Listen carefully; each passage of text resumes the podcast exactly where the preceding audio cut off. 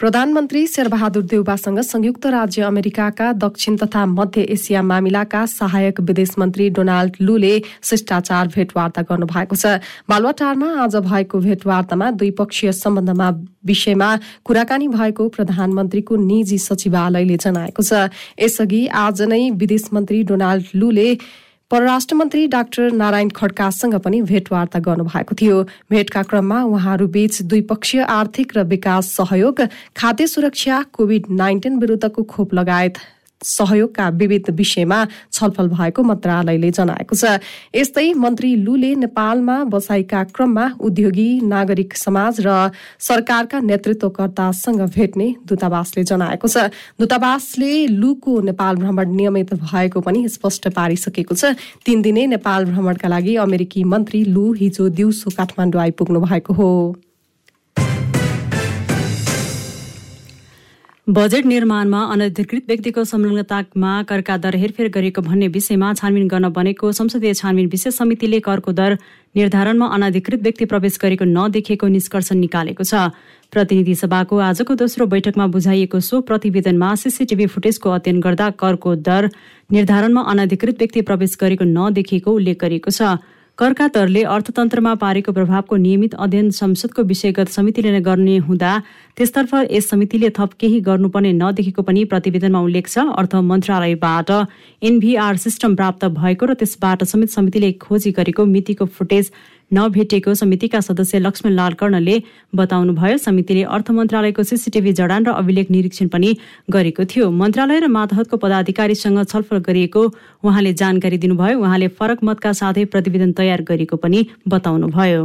समितिको कार्यावधि सात दिन थप गर्ने सम्माननीय सभामुखजीले राख्नु भएको प्रस्तावमा प्रतिनिधि सभाको उन्नाइस दुई हज़ार उनासी पाँच गतेको बैठकले सहमति जनाएपछि समितिको कार्यवधि सात दिन थप भयो। थप गरिएको समयभित्र समितिले अर्थ मन्त्रालयबाट कागजात पदाधिकारीहरूसँगको छलफल नेपाल प्रहरीको डिजिटल फोरेन्सिक ल्याबबाट प्राप्त प्रतिवेदन र कभर भएका क्लिप लगायत कागजातहरू र प्रमाणका विश्लेषण गरी यो प्रतिवेदन तयार गरेको छ।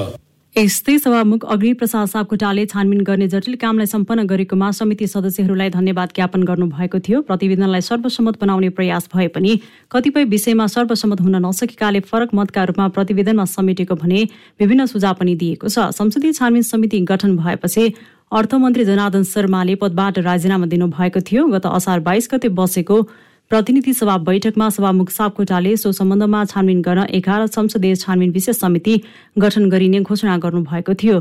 प्रतिनिधि सभा नियमावली दुई हजार पचहत्तरको नियम एक सय सतहत्तर बमोजिम सांसद कर्णको सभापतित्वमा गठित समितिमा सांसद खगराज अधिकारी देवप्रसाद गुरुङ पुष्पा भूषाल गौतम प्रदीप कुमार गेवाली भानुभक्त ढकाल विमला विक लक्ष्मणलाल कर्ण शक्तिबहादुर बस्नेत सीता राम महतो सरला कुमारी यादव र सुरेन्द्र प्रसाद यादव रहनु भएको थियो। नेकपा एमालेका उपमहासचिव प्रदीप गेवालीले संसदीय छानबिन समितिले पूर्ण रूपमा काम गर्न नसकेको बताउनु भएको छ। छानबिन समितिका सदस्य समेत रहनुभएका गेवालीले आज संसद भवनमा संचारकर्मीहरूसँग कुरा गर्दै अर्थ मन्त्रालयमा अनधिकृत व्यक्ति प्रवेश गरेको विषयमा सीसीटीभी बाहेक अन्य विषयमा अनुसन्धान हुन नसकेको बताउनु भएको हो। उहाँले समितिमा रहेका सत्ता पक्षका सांसदहरूका कारण छानबिन पूर्ण हुन नसकेको आरोप समेत लगाउनुभयो। अनधिकृत भनिएका व्यक्तिहरूको कल डिटेल लिने र लोकेसन लिने तथा सो समयमा मन्त्रालयमा रहेका व्यक्तिहरूको नाम संकलन गरेर सोधपुछ गर्ने काममा पनि समिति सफल हुन नसकेको उहाँको भनाइ छ। अनुसन्धान पूर्ण हुन नसक्दा निष्कर्ष पनि पूर्ण रूपमा पुग्न नसकेको भन्दै गेवालीले आफू मन्त्रालयमा अनधिकृत व्यक्ति प्रवेश गरेको भन्ने विषय निराधार हो भन्ने अवस्थामा पुग्न नसकेको बताउनुभयो। उहाँले अहिले व्यक्ति पार्टी र सरकार भन्दा पनि पद्धति मुख्य विषय भएको र समितिमा तथ्यमा नै पूर्ण रूपमा छलफल हुन नसकेको तर्क गर्नुभयो। हामीले आवश्यक पर्छ भने अदालतको पूर्व सहमति लिएर या आवश्यक पर्छ भने सम्बन्धित व्यक्तिको किनभने तत्कालीन अर्थमन्त्रीले म सबै खालका छानबिनको प्रक्रियाबाट गुज्रिन तयार छु भन्नुभएकै थियो। उहाँलाई बोलाएर सोध्न सकिन्थ्यो तपाईँ मोबाइल ट्रेकिङ गर्न तयार हुनुहुन्छ मोबाइलको कल डिटेल दिन तयार हुनुहुन्छ र सहमतिबाट पनि जान सकिन्थ्यो। तर त्यो विषयमा समिति प्रवेश गर्न पाउँछ कि पाउँदैन समितिको हैसियत के हो भन्ने सम्बन्धमा समेत विवाद भएर अनि ती अरू टुल्सहरूमा प्रयोग गर्ने कुरामा चाहिँ हामी जानै सकेनौँ। अब अनुसन्धानका सबै टुल्सहरू प्रयोग नगरेपछि त हाम्रो रिपोर्ट पनि अधुरो भयो र अधुरो रिपोर्टबाट निक्लेको निष्कर्ष पनि अधुरो रह्यो। त्यो निष्कर्षमा हाम्रो विमति छ। उहाँले समितिले बनाएको कार्यविधि अनुसार पनि काम हुन नसकेको जिकिर गर्नुभयो। नेकपा माओवादी केन्द्रका अध्यक्ष पुष्पकमल दाहालले तत्काल समाजवादी केन्द्र बन्ने कुनै सम्भावना नरहेको स्पष्ट पार्नु भएको छ। काठमाडौँमा आज नेपाल प्रेस सेन्टरको बैठकलाई सम्बोधन गर्दै दाहालले अहिले नै समाजवादी केन्द्र बनिहाल्ने चर्चा चलेको भन्दै तत्काल समाजवादी केन्द्र बनाउनका लागि छलफल नभएको बताउनु भएको हो। यस्तै अध्यक्ष दाहालले गठबन्धनभित्र रहेका विचार मिल्ने दलहरूसँग चुनावी मोर्चा बनाउन सकिन्छ कि भन्ने छलफल मात्र भएको पनि जिकिर गर्नुभयो। अध्यक्ष दाहालले अहिले पनि गठबन्धनको आवश्यकता रहेको हुँदै प्रदेश र संघको निर्वाचन मात्रै नभई आवश्यकता अनुसार शान्ति प्रक्रिया टुङ्गोमा नपुगेसम्म र नयाँ परिस्थिति नबनेसम्म गठबन्धनै कायम रहने पनि उल्लेख गर्नुभयो उहाँले स्थानीय निर्वाचनमा गठबन्धन बीच भएको चुनावी तालमेलको अनुभव मिठो नरहेको र प्रदेश र संघको निर्वाचनमा यसअघिको शिक्षा लिएर राम्रो तयारीका साथ जानुपर्ने विषयमा गठबन्धन बीच छलफल भइरहेको पनि धारणा राख्नुभयो। यस्तै अध्यक्ष दाहालले यसअघि राष्ट्रवादी भन्ने दलहरू नै एसपीपी जस्ता राष्ट्रघाती कामहरू भएको भन्दै एसपीपी खारेज गर्नुपर्छ भन्ने आफूले नै सुरुमा आवाज उठाएको पनि जिकिर गर्नुभयो। उहाँले वर्तमान सरकारले राम्रो काम गरेकै कारण अर्थमन्त्रीलाई बदनाम गर्न खोजेको समेत तर्क गर्नुभयो।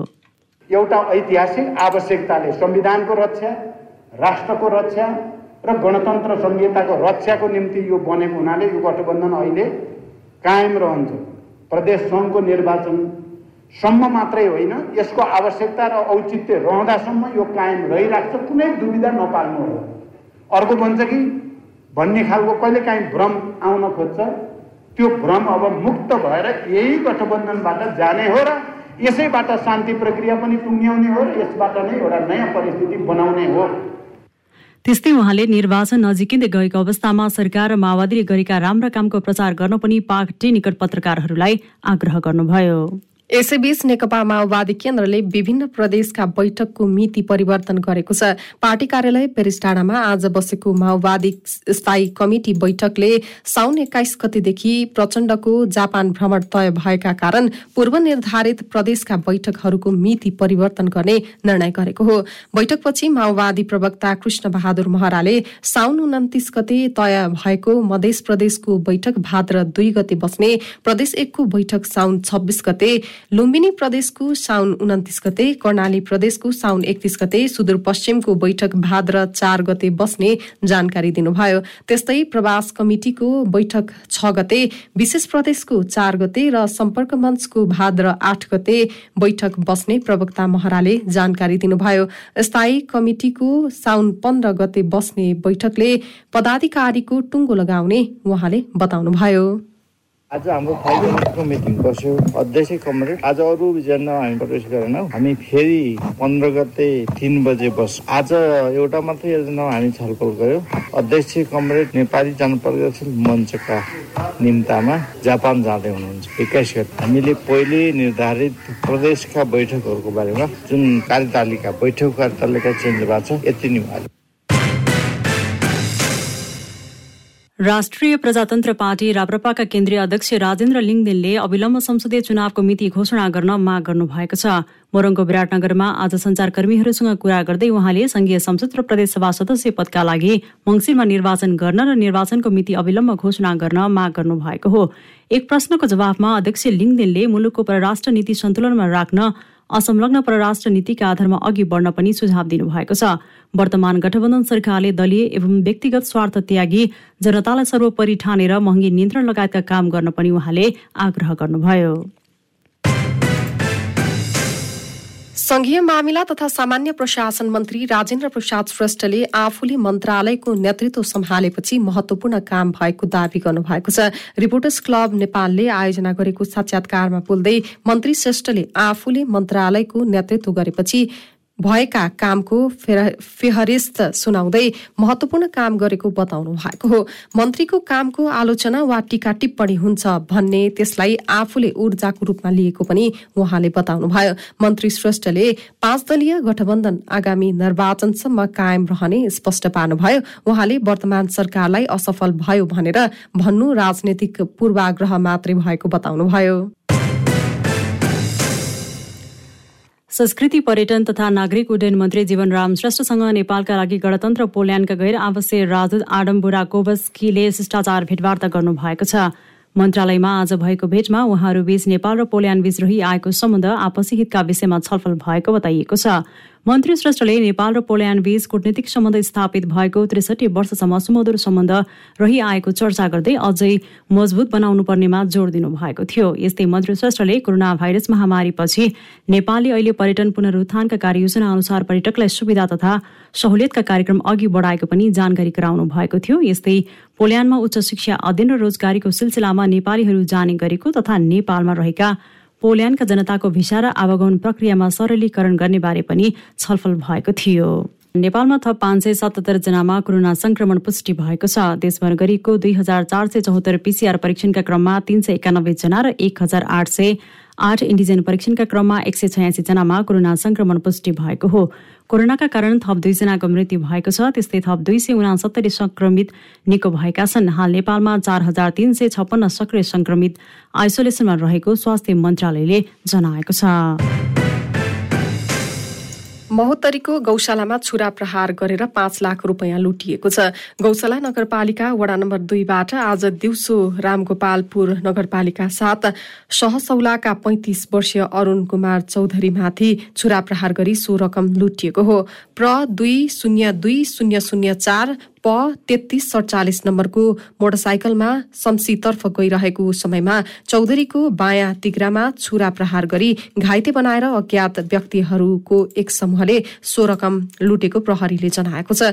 मोटरसाइकलमा घरतर्फ जाने क्रममा एक अपरिचित मोटरसाइकलमा रहेका तीनजनाको अपरिचित समूहले मोटरसाइकलबाट झरेर आफूमाथि चक्कु प्रहार गर्दै पाँच लाख रुपियाँ लुटेर फरार भएको पीड़ित चौधरीले प्रहरी समक्ष बताएका छन्। छुरा प्रहारबाट घाइते भएका चौधरीको गौशाला पोलिक्लिनिकमा उपचार भइरहेको छ। लुटपाटमा संलग्न व्यक्तिको खोजी कार्य भइरहेको छ। घाइते चौधरी गाउँमा मनी ट्रान्सफर सञ्चालन गर्दै आएको प्रहरीको भनाइ छ। हनी ट्रापिङमा पारेर मोलमलाइ गरेको अभियोगमा दुईजनालाई प्रहरले पक्राउ गरेको छ। पक्राउ पर्नेमा सोलुखुम्बुका चौबिस वर्षीय शेखर बास्तुला र उनकी पत्नी बीस वर्षीय रोजिना राउत रहेका छन्। उपत्यका अपराध अनुसन्धान कार्यालय बानेश्वरका एसपी कृष्ण प्रसाद कोइरालाका अनुसार उनीहरूले सामाजिक सञ्जालको माध्यमबाट चिनजान भएका पुरुषसँग अश्लील कुराकानी गरेर फसाइदिने भन्दै मोलमलाइ गर्ने गरेका थिए। पक्राउ परेका दुवैले काठमाडौँ उपत्यकाको विभिन्न स्थानमा आपराधिक लाभ लिने उद्देश्यले योजनाबद्ध तरिकाले सामाजिक सञ्जाल फेसबुकमा महिला परिचालन गरेर फोनको आदान प्रदान गरी सम्पर्क समन्वय गराएर झुटा मुद्दा लगाई फसाउने डर धम्की देखाउने गरेको पाइएको पनि प्रहरीले जनाएको छ। यस्तै पक्राउ परेका वास्तोलाले आफू साइबर ब्युरोको प्रहरी निरीक्षक भनेर परिचय गराउने गरेको पाइएको पनि प्रहरीको भनाइ छ। ब्ल्याकमेल गरेर रकम असुल गरेको उजुरी प्राप्त भएपछि प्रहरीले उनीहरूलाई बानेश्वरबाट पक्राउ गरेको हो। उनीहरूमाथि थप अनुसन्धान भइरहेको छ। नेकपा माओवादी निकट विद्यार्थी संगठन अखिल क्रान्तिकारीले त्रिभुवन विश्वविद्यालयका विकृतिहरू समाधानका लागि पन्ध्र बुन्दे माग पत्र बुझाएको छ। अध्यक्ष पन्छा सिंह सहित क्रान्तिकारीका पदाधिकारीहरूले आज त्रिवी उपकुलपति प्राध्यापक डाक्टर तीर्थराज खानिया समक्ष माग पत्र बुझाएका छन्।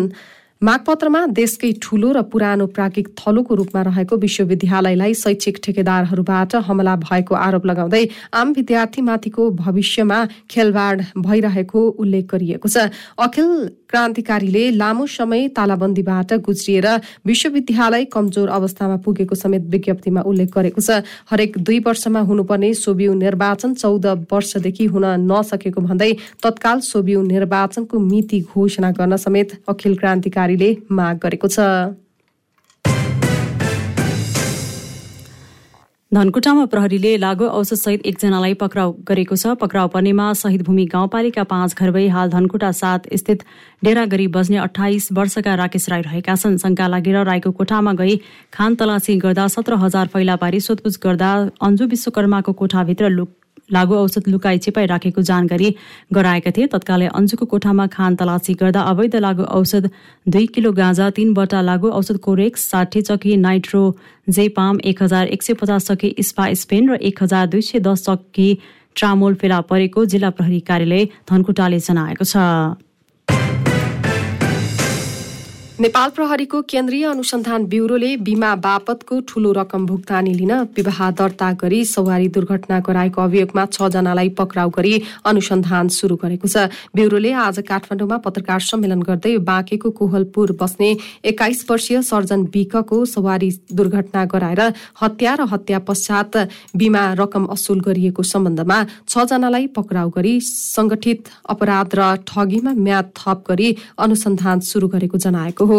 पक्राउ परेका बाँके कोहलपुरका सपना मल्ल सञ्जीव अरियाल सरदार अहमद खा टोप बहादुर राणा दीपक केसी र ललिता सापकोटा रहेका छन्। उनीहरूले गत दुई गते कोहलपुर नगरपालिकामा एक्काइस वर्षीय सर्जन विकको योजनाबद्ध दुर्घटना गराई साढे दुई करोड़ बराबरको बिमा रकम लिएको अनुसन्धानबाट खुलेको ब्युरोका प्रहरी अतिरिक्त महानिरीक्षक उत्तम राज सुवेदीले जानकारी दिनुभयो। उनीहरूले सवारी दुर्घटना गराएर बिमा रकम दावी गर्ने उद्देश्यले सपना मल्लसँग सर्जनको विवाह दर्ता गराएका थिए। दुर्घटनामा सर्जनको मृत्यु भएपछि दुई हजार अठहत्तर साउन चौध गते रिलायन्स लाइफ इन्सुरेन्सबाट सपनाले बिमा रकम बुझेर कामना सेवा विकास बैंक कोहलपुरको खातामा जम्मा गरेको देखिएको छ। पछिल्लो समय बाघको संख्या वृद्धि भएर तीन सय पचपन्न पुगेको छ। विश्व बाघ दिवस दुई हजार बाइसको अवसरमा आज राष्ट्रिय निकुञ्ज तथा वन्य जन्तु संरक्षण विभागमा आयोजित पत्रकार सम्मेलनमा सो जानकारी गराइएको हो। राष्ट्रिय बाघ तथा आहार प्रजाति सर्वेक्षण प्रतिवेदन दुई हजार बाइसका अनुसार बाघको संख्यामा चार वर्षमा एकाउन्न प्रतिशतले वृद्धि भएको छ। हाल नेपालमा तीन सय पचपन्न वयस्क बाघ रहेको पनि प्रतिवेदनमा उल्लेख गरिएको छ। प्रतिवेदनका अनुसार पर्सा राष्ट्रिय निकुञ्ज तथा ओरपरको वन क्षेत्रमा एकचालिस चितवन राष्ट्रिय निकुञ्ज तथा ओरपरको वन क्षेत्रमा एक सय अठाइस बाँकी राष्ट्रिय निकुञ्ज र वरपरको वन क्षेत्रमा पच्चिस बर्दिया राष्ट्रिय निकुञ्जमा एक सय पच्चिस र शुक्लाफाटा लालझाडी जोगबुढा क्षेत्रमा छत्तिस गरी जम्मा तीन सय पचपन्न बाघ रहेको उल्लेख गरिएको छ। बाघको संख्या एकिन गर्न तराई आर्क ल्यान्डस्केप अन्तर्गत पन्ध्र जिल्लामा अकुपेन्सी सर्वेक्षण गरेको वन तथा वातावरण मन्त्रालयका सचिव डाक्टर प्रेम नारायण कडेलद्वारा जारी विज्ञप्तिमा उल्लेख गरिएको छ। अब नेपालबाट विदेश निर्यात हुने सुपारीको डिएनए परीक्षण गर्नुपर्ने भएको छ।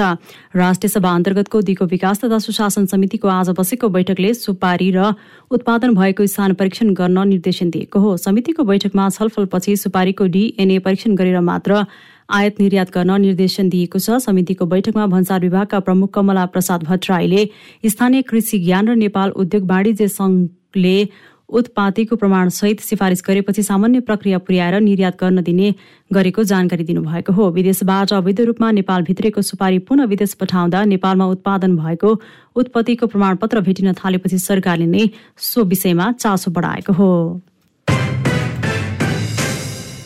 हङकङको ध्वजावाहक वायु सेवा क्याथे पेसिफिक एयरवेजले असोज पन्ध्रदेखि हङकङ काठमाडौँ साप्ताहिक रूपमा उडान गर्ने भएको छ। नागरिक उड्डयन प्राधिकरणबाट साप्ताहिक एक उडानको अनुमति पाएको क्याथेले यात्रुको माग अनुसार उडान संख्या वृद्धि गर्ने सो वायु सेवाको नेपाल प्रमुख जुनु मलेकुले बताउनुभयो।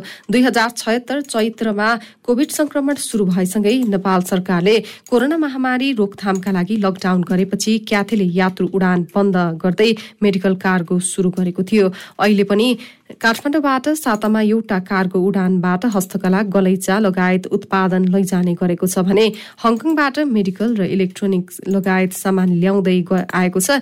क्याथे बाहेक नेपालबाट सातामा एक दिन राष्ट्रिय ध्वजावाहक नेपाल वायु सेवा निगमले उडान गर्दै आएको छ। निगमका अनुसार कोविडका कारण नेपालबाट हङकङ जाने यात्रुले अहिले एक साता होटल क्वारेन्टाइनमै बस्नुपर्ने नियम अनिवार्य गरेको छ। शेयर कारोबारको अन्तिम दिन आज नेप्से परिसूचक दोहोरो अङ्कले वृद्धि भएको छ। नेप्से परिसूचक आज बाह्र दशमलव नौ दुई अङ्कले बढेर दुई हजार एक सय चालिस दशमलव तीन नौ बिन्दुमा पुगेको हो। दुई सय पन्ध्र कम्पनीको एकाउन्न लाख दस हजार सात सय किता सेयर कुल दुई अर्ब उन्नाइस करोड तेह्र लाख पन्चानब्बे हजार चार सय अठासी रुपियाँमा कारोबार भएको छ। कारोबारमा आएका तेह्र समूहमध्ये दसको सूचक बढेको छ भने बाँकी तीनको घटेको छ। आज राष्ट्रिय उत्थान लघु वित्तीय संस्थाको सेयर मूल्य दस प्रतिशतले बढेको छ। क्यान्डिड न्युजमा अब अन्तर्राष्ट्रिय समाचार। बंगलादेशको दक्षिण पूर्वी शहरको चट्टोग्राम जिल्लामा रेलले पर्यटक मिनी बसलाई ठक्कर दिँदा एघार जनाको मृत्यु भएको छ।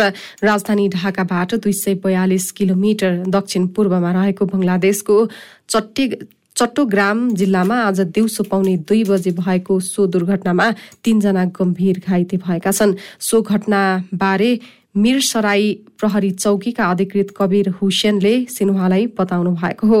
ढाकाबाट बन्दरगाह सहर चट्टोग्राम जाँदै गरेको रेल लेभल क्रसिङमा रहेको यात्रुवाहक मिनी बससँग ठोकिँदा सो दुर्घटना भएको हो। मृतकहरू सबै चट्टोग्राम जिल्लाको मिरसराई क्षेत्रको खोइया चोरा झरनातर्फ गइरहेको पर्यटक रहेको बताइएको छ। मिनी बस सिंगल व्यवस्था मिनिबस सिग्नल बेवास्ता गर्दै ट्र्याकमा चढेको रेलका अधिकारी अन्सार अलीले पत्रकारहरूलाई बताएका छन्। पृथकतावादी नियन्त्रित डोनेस्कमा रहेको एउटा जेलमा युक्रेनले गरेको गोलाबारीमा चालिस युक्रेनी युद्धबन्दी मारिएको रुसले दावी गरेको छ। डोनेस्को ओलिनिभकाको जेल शिविरमा युक्रेनी सेनाले मिसाइल आक्रमण गर्दा अन्य पचहत्तरजना घाइते भएको रुसको रक्षा मन्त्रालयले जनाएको छ। यता युक्रेनले भने आफूहरूमाथि गोलाबारी गरेको आरोप लगाउँदै रुसले आफ्नो गल्तीहरू ढापछोप गर्न खोजेको प्रतिक्रिया दिएको छ। रुसी सेनाले युक्रेनको उत्तर पूर्वी क्षेत्रमा आक्रमण तीव्र बनाएको छ। युक्रेनी सेना दक्षिणी सहर खर्सोन फिर्ता लिन अघि बढेसँगै रुसी सेनाले राजधानी किप लगायतका सहरमा आक्रमण तीव्र बनाएको हो। सो क्रममा युक्रेनको मध्य सहर क्रोपिभिन तस्कीमा रुसी मिसाइलबाट आक्रमणबाट पाँचजनाको मृत्यु भएको थियो। क्यान्डिड न्युजमा अब खेलकुदका समाचार। आयोजक भारतले साफ यु ट्वेन्टी च्याम्पियनसिप फुटबलमा पहिलो जित निकालेको छ। भुवनेश्वर स्थित कालिङ्गा स्टेडियममा आज भएको खेलमा श्रीलङ्कालाई चार शून्य गोल अन्तरले हराउँदै भारतले पहिलो जित दर्ता गरेको हो। साबिक विजेता समेत रहेको भारतलाई जित दिलाउन पार्थिव सुन्दर गोगाईले दुई गोल गरे। हिमांशु जान्ग्रा र गुर्कीरात सिंहले एक एक गोल थपे। भारतले चारै गोल दोस्रो हाफमा गरेको थियो। जितसँगै भारतले दुई खेलमा तीन अङ्क जोडेको छ पहिलो खेलमा भारत बंगलादेशसँग पराजित भएको थियो। श्रीलङ्काको यो लगातार तेस्रो हार हो। श्रीलङ्का भने प्रतियोगिताबाट बाहिरिएको छ। वेस्ट इन्डिज विरुद्धको टी ट्वेन्टी अन्तर्राष्ट्रिय सिरिजका लागि भारतले सन्जु सामसनलाई टिममा बोलाएको छ चोटको कारण के एल राहुल टिमबाट बाहिरिएपछि सन्जुलाई टिममा बोलाइएको हो। पछिल्लो पटक राहुललाई कोभिड नाइन्टिनको संक्रमण समेत देखिएको थियो। भारतले वेस्ट इन्डिजसँगको पाँच खेलको टी ट्वेन्टी सिरिज अन्तर्गत आज पहिलो टी ट्वेन्टी खेल्दैछ। भारत र वेस्ट इन्डिज बीचको खेल आज राति सभा आठ बजे सुरु हुनेछ।